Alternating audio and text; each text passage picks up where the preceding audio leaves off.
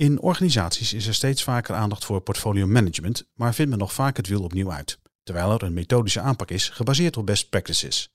Mijn naam is Peter Linsen en dit is de podcast van de mensen van Ruistaal.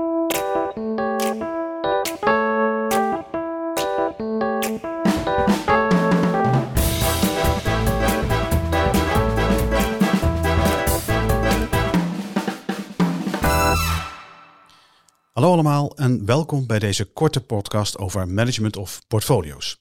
Uh, afgelopen week en afgelopen maand verzorgde Ron Bouwman een aantal COP's, Community of Practices, over MOP.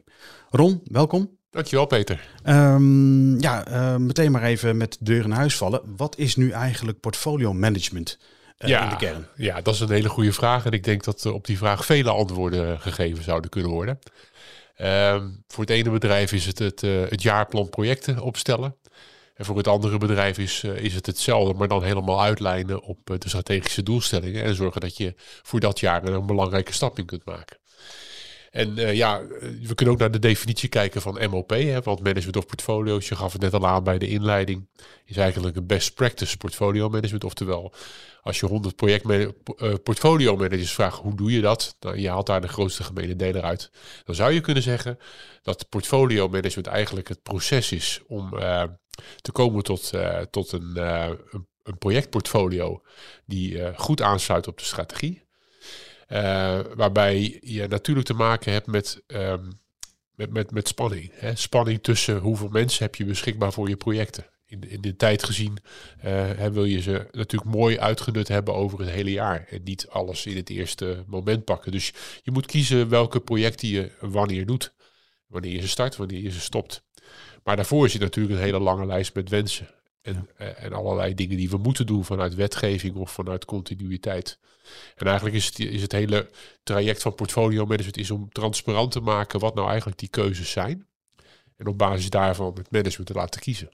Ik zeg wel eens, goed portfolio management betekent dat je transparant maakt uh, hoe projecten bijdragen aan strategische doelstellingen. Je ontwikkelt scenario's en die scenario's die leg je voor. En ja, uiteindelijk wordt uit de scenario's het beste scenario gekozen. En dat betekent suboptimalisatie voor een aantal afdelingen of business units. Ja. ja. dus ik denk dat dat eigenlijk portfolio management is. Je zou kunnen zeggen, het portfolio is het totaal aan investeringen die we doen met elkaar. Ja. En portfolio management is eigenlijk het managementproces wat je daar overheen legt om te zorgen dat dat transparant en herleidbaar ontstaat. Oké, okay, ik hoor je ja. praten over projecten uh, binnen portfolio management. Hè. Um, wat is de plek van programma's daarin dan? En wat is een programma ten opzichte ja. van een project? Ja, dat is een goede. Ik denk dat uh, uh, de definitie eigenlijk is voor een project levert een resultaat op. Een programma zet je vaak in om een doel te halen. Ja. Het bestaat uit meerdere, één of meerdere projecten, maar loopt over een veel langere tijd. En portfolio is eigenlijk, hè, maar projecten en programma's zijn altijd eindig. Hè. Dus je project zit een eind aan, de programma zit ook een eind aan, een portfolio niet. Portfolio is eigenlijk iets wat zich door de jaren heen herhaalt. En afhankelijk van je, ja, je management cycle, zoals het dan genoemd wordt, zie je bij de meeste bedrijven dat elk jaar het portfolio wordt vastgesteld. Maar je ziet meer en meer bedrijven die eigenlijk al per drie maanden een soort rolling forecast maken en altijd een jaar vooruit aan het plannen zijn. En dus projecten en programma's zijn tijdelijk, portfolio is permanent. Oké, okay, en, ja. en, welk doel uh, wil je bereiken eigenlijk met, uh, met portfolio management? Ja, dat zijn eigenlijk uh, meerdere doelen. maar belangrijk is, je wilt al die projecten die nodig zijn om je strategische doelstellingen te halen, die wil je gepland hebben. Uh, je wilt zeker weten dat die projecten goed doorlopen, dat ze op tijd voorzien worden van resources. Je wilt zeker weten dat al die projectresultaten die worden opgeleverd, dat die ook in de lijn geabsorbeerd kunnen worden. Ja. Dus te veel veranderingen in één keer of juist twee veranderingen apart terwijl je ze samen doet en het beter werkt. Daar wil je op sturen. Maar je wil ook zorgen dat al je projecten um, goed gemanaged worden. Dat ze uh, adequaat bestuurd worden. Dat op, als er op die projecten stuurgroepen zitten, dat die, dat die stuurgroepen in place zijn, dat we in staat zijn om die beslissingen goed te nemen. Dus ja, dat is eigenlijk, uh, eigenlijk uh, wat het doel is. het, is. Het doel is om zo efficiënt en effectief mogelijk om te gaan met, met, met de verandering die je voor ogen hebt. Ja. Ik zeg wel eens, het, het gekozen portfolio is natuurlijk altijd een compromis. Maar we kunnen altijd uitleggen dat al die initiatieven die we gaan opstarten, dat dat het beste is voor de organisatie. En ook als er een ander initiatief niet gestart is en iemand zegt waarom hebben we dat niet gedaan en ik zou het omwisselen, ik zet dat initiatief in het portfolio, dan zie je dat misschien voor die business unit het beter wordt, maar het geheel net iets slechter wordt. Nou, portfolio management heeft eigenlijk gewoon tot doel om dat zo efficiënt en effectief mogelijk in te richten. Dat zou je kunnen zeggen, ja.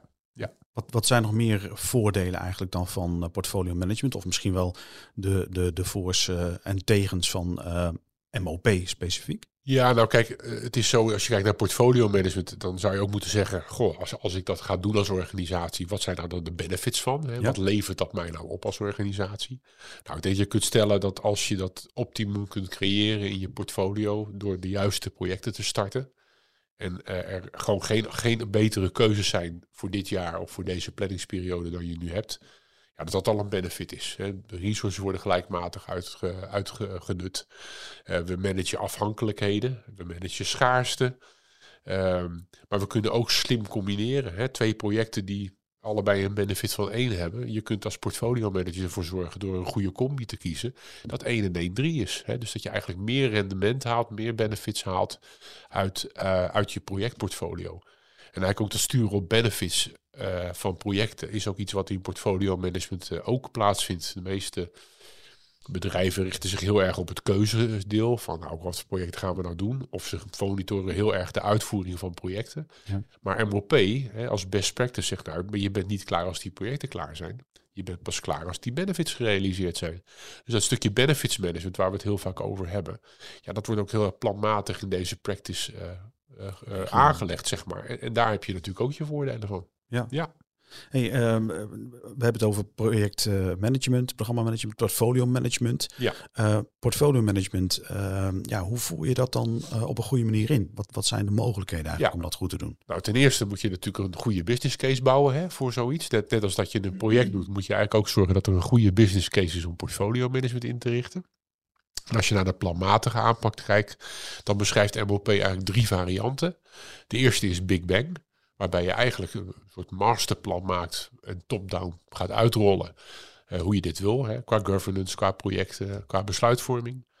Uh, de tweede variant is evolutionair. Dat is eigenlijk ook een masterplan. Maar uh, we proberen wat kortcyclischer te werken. We kijken ook welke, wat het allemaal oplevert voordat we de volgende cycle starten. En de derde variant is ad hoc. Waarbij je bij ad hoc vooral uh, ja, elke dag weer kijkt, wat zal ik vandaag doen? En waar wordt het beter van? Wat werkt, dat herhaal ik voor de volgende dag. Wat niet werkt, dat doe ik niet meer. En als je dan kijkt naar de praktijk, is mijn ervaring dat evolutionair eigenlijk de beste aanpak is. En dat heeft ook een beetje te maken met uh, vier je successen. En want op het moment dat jij uh, dat evolutionair doet en je ook elke keer laat zien wat het oplevert, dan krijg je ook steeds meer support eigenlijk uit zo'n organisatie. Okay. En dan zie je eigenlijk dat op een gegeven moment gaat het vanzelf. En dat masterplan wat je top-down uitrolt, de Big Bang, zijn voor bepaalde type organisaties dat heel bruikbaar. Maar ja, dan moet je een soort strak geleide organisatie hebben waar iedereen de mars marsorders wel loopt. Ja. En ja, dat kom je toch steeds minder tegen. Hè. Dus evolutionair is absoluut een aanpak uh, die ook in MOP als voorkeursaanpak benoemd wordt. Oké. Okay. Ja. ja. Past daar dat zogenaamde zeven stappen model ook in? Nou, dat is goed dat je het zegt, want we hebben natuurlijk over de manier van invoeren, maar vervolgens zoom dan in op wat je moet doen. Dan heeft MOP een zeven stappen model. Dat zijn zeven stappen die je kunt zetten bij het invoeren van portfolio management. Ja.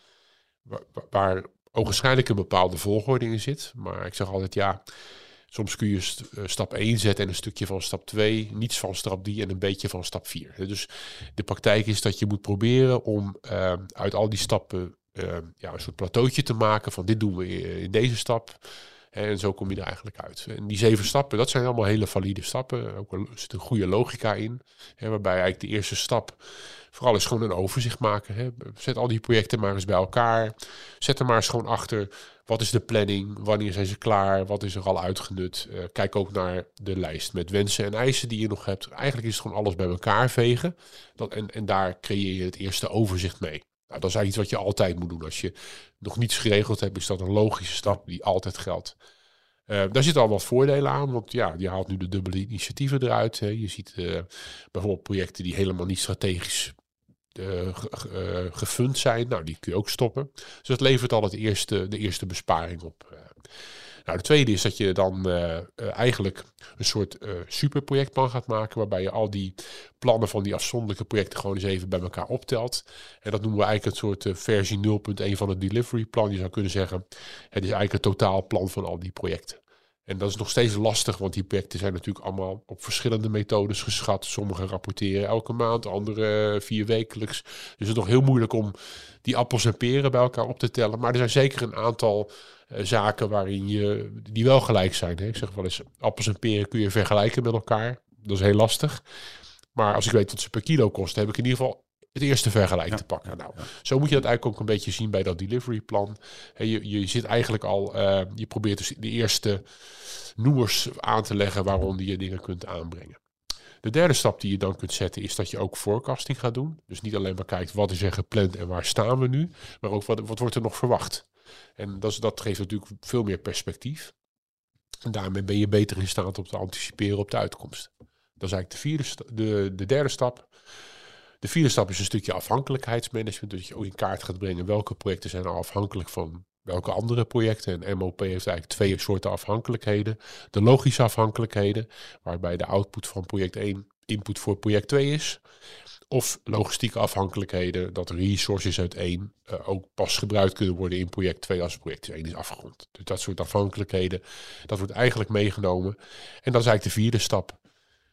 Uh, de vijfde stap is dat we ook even gaan inzoomen op governance. Hè, van wie heeft het nou voor het zeggen? Hè? Projecten zonder opdrachtgevers, projecten met stuurgroepen, programma's met stuurgroepen, programmamanagers die projecten aansturen. Hoe verhoudt zich dat allemaal tot elkaar?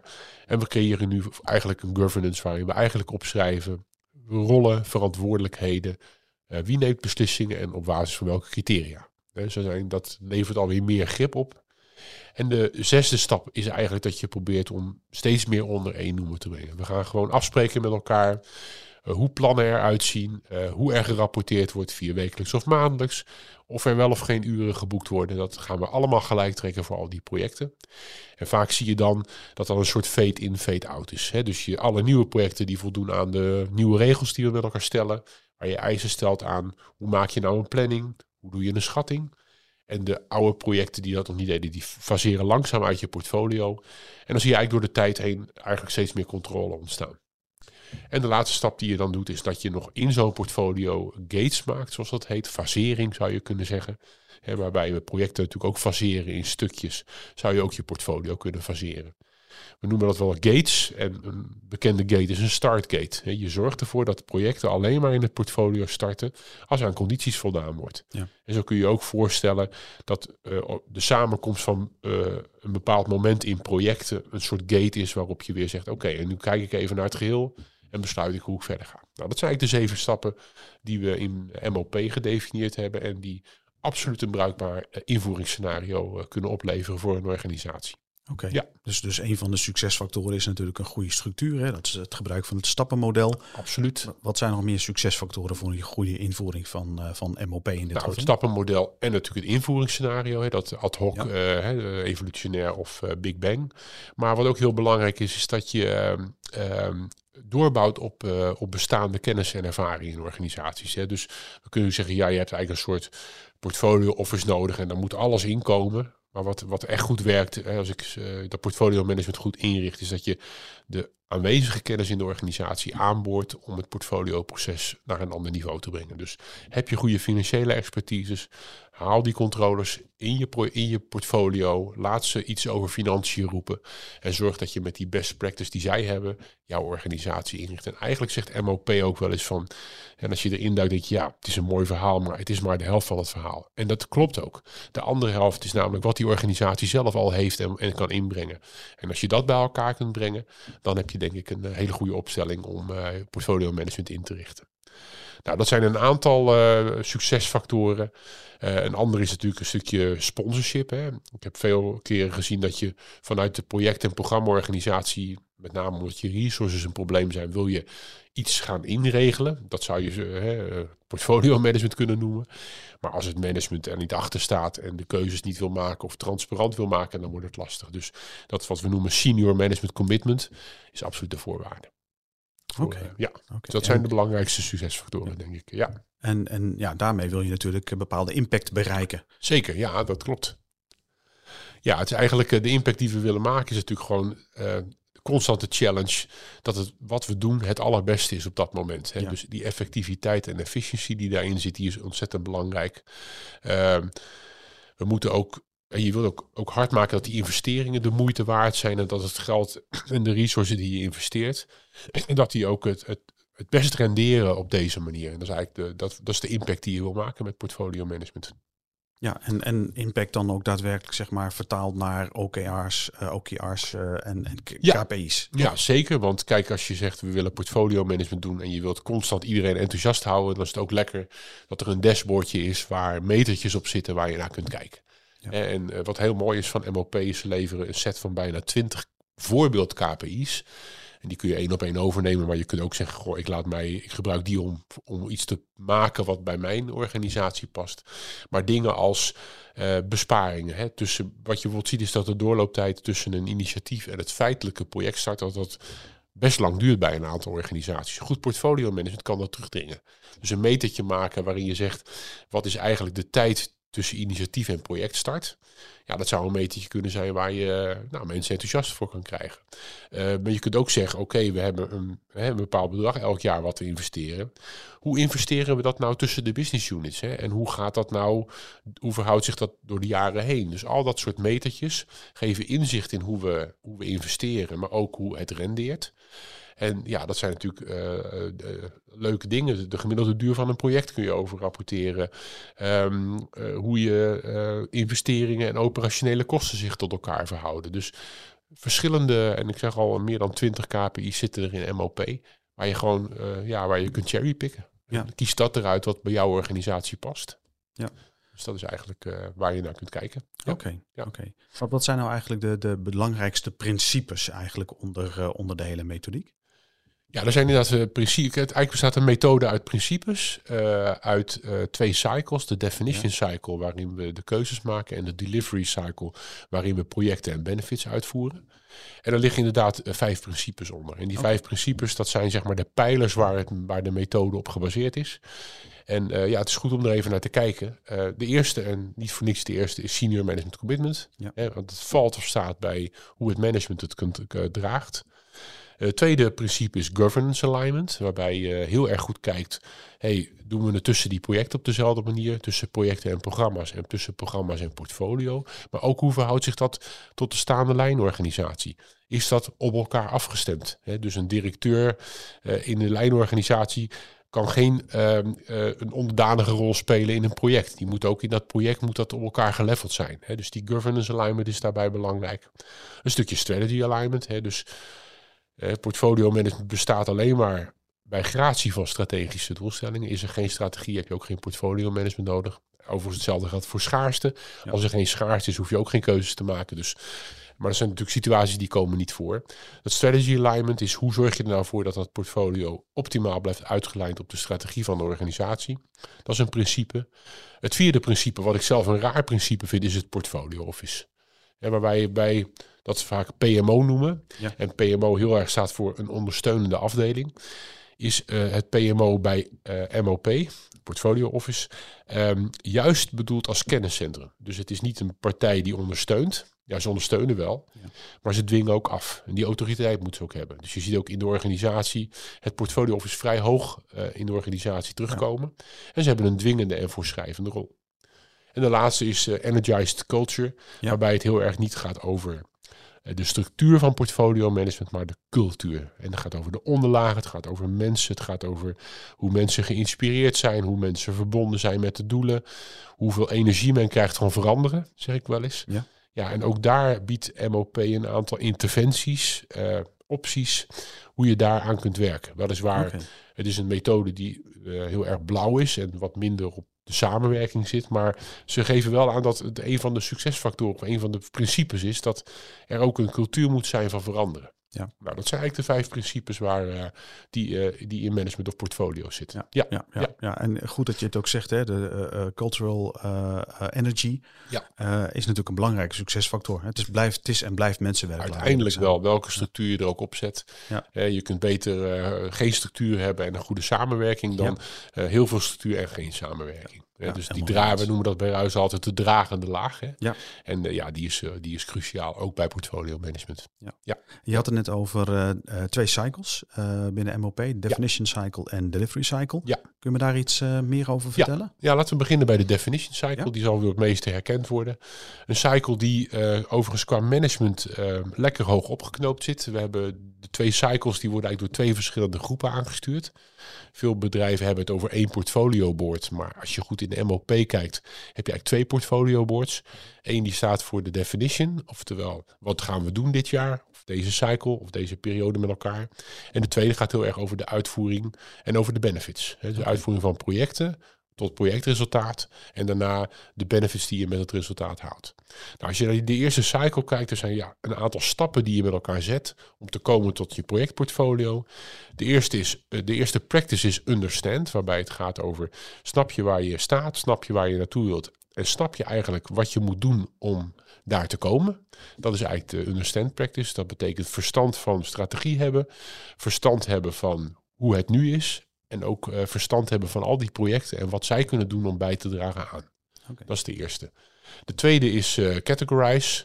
Oftewel, eh, hoe gaan we logica aanbrengen? En je hebt natuurlijk een hele lijst met van die projecten die we willen doen. En ja, dat is een hele lange lijst en daar moet je logica in aanbrengen. Nou, je kunt zeggen, we doen het alfabet, alle projecten met een A, met een B, met een C, maar dat geeft je natuurlijk geen inzicht. Hè?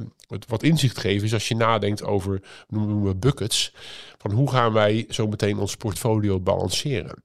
En als bijvoorbeeld je zou kiezen voor een indeling per business unit, dan kun je zeggen we categoriseren projecten op business units of op strategische doelstellingen, dat kan ook.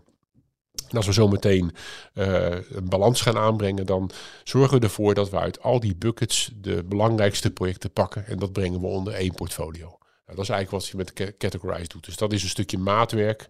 En afhankelijk van jouw organisatie doe je strategische doelstellingen. Je kunt ook landen kiezen. Je kunt ook, je kunt ook eh, business units kiezen. En soms maak je keuzes tussen innovatie en exploitatie. Of wetgeving en eh, innovatie. Nou, daar kun je alle kanten mee op. Ja. Een stukje maatwerk. De, de derde practice is prioritize. Waar het gaat over hoe bouw je nou... Welke criteria leggen we eigenlijk aan over die buckets om te meten welk project is aantrekkelijker dan andere projecten? Je ziet eigenlijk daar tw- eh, dat je dus scoort op aantrekkelijkheid en op maakbaarheid en haalbaarheid van projecten. Aantrekkelijkheid is financieel of, of strategische bijdrage. En maak en haalbaarheid moet je denken aan risicoprofielen. Hè? Dus je kunt hele aantrekkelijke projecten met een lage maakbaarheid hebben. Ja. Of ga je dan voor iets minder aantrekkelijke projecten met een hoge maakbaarheid? Nou, die afweging die maak je met, eh, met je criteria die je aanlegt bij eh, de prioriteringsslag. Dan balance, dan ga je inderdaad kijken naar die categorieën. We maken een top 3 en kiezen uiteindelijk eh, welke projecten we samen gaan brengen onder één portfolio. Eh, dat is als we met balance doen, dan balance je ook in de tijd. Je balance voor resources. En het laatste is plan, waarbij je eigenlijk die hele exercitie afrondt met een soort superprojectenplan. En eh, daarmee zorg je ervoor dat je de baseline ook neerlegt voor de uitvoering. En dan kom je bij de, de, de delivery cycle. Ja. Hè? En dat is eigenlijk hoe voeren we nou al die projecten uit en hoe monitoren we al die benefits van die projecten die afgerond zijn. Nou, er zijn ook een aantal practices, daar zit geen volgorde in. Hè? Bij, priority, bij de definition cycle zie je echt een volgorde. Bij de delivery cycle is dat niet zo. Het zijn eigenlijk allemaal elementen die uh, inspelen op dat projectportfolio. En wat moet je dan aan denken? Dingen als management control, hè, dus templates, uh, hoe escaleren we met elkaar, dat soort zaken. Dat zit in de practice management control. Een stukje benefits management, waar ook een benefits management plan aan ten grondslag ligt. Waar een benefits manager uh, bij hoort, die zorgt dat al die projecten die klaar zijn, ook gewoon gemonitord worden. En hoe lang je dat doet, ja, dat verschilt per organisatie. Heb je assets die behoorlijke investeringen vragen, ja, dan zie je soms wel 10, 15, 20 jaar lang benefits management. Dus het gaat echt over de grenzen heen van je project. De derde is financial management, die eigenlijk zowel in de definition als in de delivery cycle bepaalt wat financieel wel en niet kan. Hoe ga je om met capex, capex en opex? En welke uh, investeringscycles gebruik je? Hè? Wordt, uh, we zullen het moeten afstemmen op elkaar. Maar als je elk jaar je jaarplannen maakt, dan, hè, of je je budget hebt, zul je ook per jaar waarschijnlijk je portfolio inrichten. Nou, dat soort zaken, dat zit eigenlijk allemaal in financieel management. Uh, risicomanagement, natuurlijk zijn er, zijn er zeg maar over, uh, risico's over alle projecten heen. Maar ook het hele afhankelijkheidsmanagement zit in risicomanagement bij MOP. Een stukje gateholder en stakeholder engagement, waarbij het vooral gaat over hey, wie zijn alle belanghebbenden en op welke manier benaderen we ze. eigenlijk uh, waar je vroeger al die projecten hun eigen communicatieplannetjes schreven. Zorg je ervoor bij portfolio managers dat er een overkoepelende boodschap is waarbinnen die afzonderlijke boodschappen van projecten passen. Dat is eigenlijk wat we doen met, uh, met stakeholder engagement. Een stukje governance hoort er ook weer bij. Hè? Hoe stemmen al die rollen op zich uit? De executive van een Prins 2 project. Hoe verhoudt zich die tot een senior responsible owner van een programma? En hoe, hoe verhoudt die zich weer tot een business change director in een portfolio? Dat moet goed worden uitgeschreven. En de laatste, en dat is zeker geen onbelangrijke, is resource management. Ja. Want ja, dat is een van de, de problemen bij heel veel projecten. Hoe krijg je zicht op je aanbod? Hoe krijg je zicht op de vraag die nodig is? Hoe kun je dat op elkaar afstemmen? Nou, dat is eigenlijk wat we eh, met resource management eh, doen. En dat is een stukje, een stukje gap analyzer hoort daarbij. Van nou, dit is wat je vraagt, dit is wat we nodig hebben. Maar ook weer hoe dicht je dat? Nou, al die practices die worden in, in MOP in detail uitgewerkt en bieden altijd aanknopingspunten voor organisaties om stappen te maken. Oké. Ja, dus dat zijn eigenlijk een beetje de cycles en de practices, ja. Peter. Ja. Ja. ik hoorde je net al iets eh, zeggen over, uh, over wat de rollen in, uh, in, in MOP. Ja. Portfolio management dus, uh, gebeuren, zeg maar. Ja. Je hebt zelf ook de rol van uh, een rol binnen portfolio management, ja. hè? MOP, een portfolio manager. Klopt. Wat, wat, voor rollen zijn er nog meer? Nou ja, laten we even afpellen. We hebben natuurlijk de definition en de delivery cycle. De definition cycle gaat over keuzes maken. We hebben daar een portfolio definition group op zitten, volgens MOP. Dus dat zijn eigenlijk de groep managers die verantwoordelijk zijn voor het maken van de keuzes. Als portfolio manager begeleid je dat proces om het transparant te maken. Maar zij nemen de beslissingen. Een groep mensen op directieniveau. Dan heb je de portfolio progress groep. Die stuurt eigenlijk de delivery cycle aan. die gaan echt over de voortgang van projecten en de voortgang van benefits. En dat is ook een uh, groep mensen die een behoorlijk managementniveau hebben, maar net iets lager dan de definition. Okay. En de business change director, dat is zeg maar de executive van portfolio management, dat is eigenlijk degene die die twee groepen met elkaar verbindt, de linking pin. Dan hebben we natuurlijk de portfolio manager, hè, die vergelijkbaar met Prins 2 projectmanager zorgt dat het gewoon allemaal geregeld is. Plant, organiseert, uh, rapporteert. Zorgt dat die projecten bij elkaar passen, dat het allemaal op elkaar afgestemd is. Dat er een portfolio uh, office staat die zijn werk kan doen. dat is de rol van de portfolio manager. Uh, dan hebben we de business changer, of sorry, de uh, portfolio benefits manager. Die hadden we het ook al even genoemd. Ja. Dat is eigenlijk een bijzondere rol, die, die, ja, waarbij de projectmanager voor het projectresultaat gaat, gaat de benefits manager voor alle benefits. Die voert hij niet zelf uit, want dat zit natuurlijk gewoon in de lijnorganisatie bij lijnmanagers. Maar hij haalt wel daar al die KPI's op over benefits en telt dat bij elkaar op en zet dat op het portfolio dashboard. dat is eigenlijk wat, uh, wat die rol is. En, en monitort hij dan ook zeg maar die benefits? Nou, op zich rapporteert hij erover, maar de Business Change Director is verantwoordelijk. En die gaat ook met die lijnorganisatie het gesprek aan als de besparingen die ooit begroot zijn niet worden binnengehaald. dus dat zit op dat. Dat zijn eigenlijk de rollen die we in de MOP kennen. Oké. Ja. Nou, dan, uh, je hebt het al even gehad over een, uh, een delivery plan. Uh, er zullen ongetwijfeld nog een aantal belangrijke andere managementproducten zijn, denk ik. Zeker, ja, ja, heel goed. Nou ja, naast inderdaad het portfolio delivery plan, wat eigenlijk het product is van die, van die definition cycle, ja. hoort er ook een portfolio strategy plan bij. Oké. En dat strategy plan laat eigenlijk zien hoe het delivery plan zijn strategische doelstellingen haalt. En dat zijn eigenlijk de twee producten die uit de definition cycle komen. Dan hebben we ook een, uh, een aantal framework, frameworks, een portfolio management framework en een benefits management framework. Je zou kunnen zeggen dat is de referentieomgeving die schrijft voor hoe werken wij met portfolio management en hoe gaan we om met benefits. En die vinden ze een weerslag eigenlijk in alles wat met portfolio management te maken heeft. Dan hebben we uh, het uh, portfolio uh, management realisatieplan, benefits realization plan, waarin eigenlijk ja, de planmatige aanpak van benefits gevolgd wordt. Dus eigenlijk ook een baseline is daarvoor. Een financieel plan wat eigenlijk zowel bij de definition als bij de delivery cycle laat zien hoe gaan we met het geld om bijvoorbeeld dingen als eh, benefits uit het ene project, mag je die weer gebruiken om te investeren in andere projecten of niet? Al dat soort guidelines, die worden uitgelegd in het financiële plan. Je ziet ook gewoon hoeveel geld er wanneer nodig is. Je zou er bijna een kasboek kun ervan maken, waarin je gewoon in- en uitgaande geldstromen uh, bepaalt en plant. Uh, een resource schedule wordt er gemaakt. Dat is ook een document waarin gewoon laat, waar we eigenlijk uitleggen wat is het verschil tussen wat we nodig hebben en wat we aanbieden? En hoe gaan we eigenlijk om met die spanning die daar eigenlijk standaard in zit? Ehm, een engagement en communicatieplan, hè, ook om, die, om eigenlijk het framework te bieden eh, voor de portfolio manager om met de lijnorganisatie te schakelen, maar vooral ook al die projectmanagers een context te geven waarbinnen zij hun projecten kunnen, uh, projectcommunicatie kunnen inrichten. En als laatste het dashboard. Ja, dat dashboard, dat, daar staan eigenlijk verschillende dingen op. Uh, aan de ene kant staat daar natuurlijk gewoon op uh, hoe die projecten het doen, hè, gepland en uitgenut.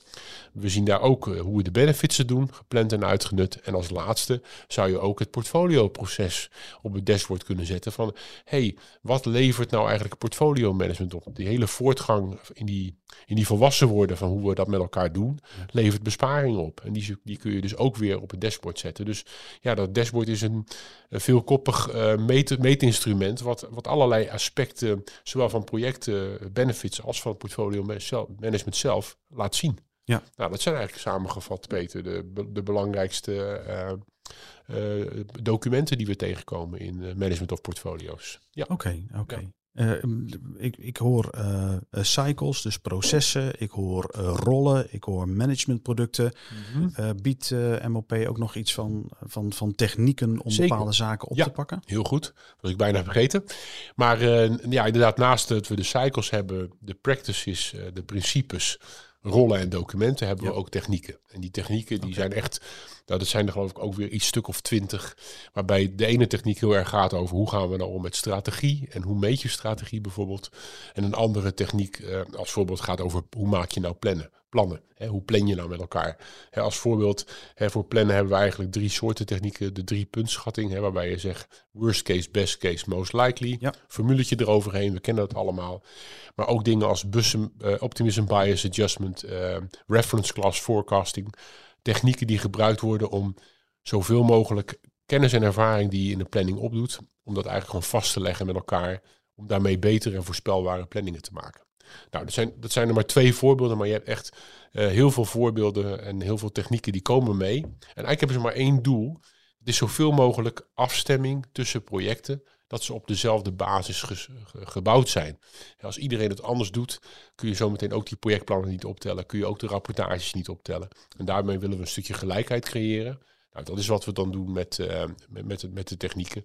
En dan het laatste voorbeeld wat ik even noem, want er zijn er te veel, is het Champion Challenger model, waarbij je eigenlijk, uh, eigenlijk zou je kunnen zeggen, dat het is continu uh, verbeteren, hè? continuous improvement. Ja. Dus constant is de, de uitdaging van morgen, uh, is, de, is de standaard en de overmorgen is weer de uitdaging. Dus dat constant vooruit en verbeteren, dat zit ook, is ook een van de technieken. Oké, okay, dankjewel. Ja, en dat brengt eigenlijk uh, zo'n beetje ons uh, naar het eind, okay. Peter. Want dit is ongeveer wat MOP is. Maar ja, het is natuurlijk kort uitgelegd. maar het is een dik boek en het is een, ik kan het ook veel uitgebreider vertellen. Maar misschien is dit voor mensen ja. een mooie gelegenheid om eens kennis te maken met wat MOP eigenlijk is. Ja. ja. Nou, misschien even een vraag aan jou, hè? want ik zei net, je bent portfolio manager. Ja. wat is jouw ervaring dan met het toepassen van, van, van misschien wel elementen van MOP in de praktijk? Ja, voor mij zei je dat bij de inleiding al. Van, iedereen is toch intuïtief bezig om portfolio management in te richten, terwijl er een best practice is. En die best practice die is ja, geschoeid op de fabriek die we ook bij Prins 2 kennen voor projectmanagement. Je zou kunnen zeggen, MOP is het Prins 2 voor projectmanagement. En wat mijn ervaring is, is dat er zoveel bruikbare inzichten in zitten. Uh, het is geen standaard aanpak. Anders dan Prins 2 misschien wel. Ja. Maar het bevat zoveel inzichten en zoveel structuur.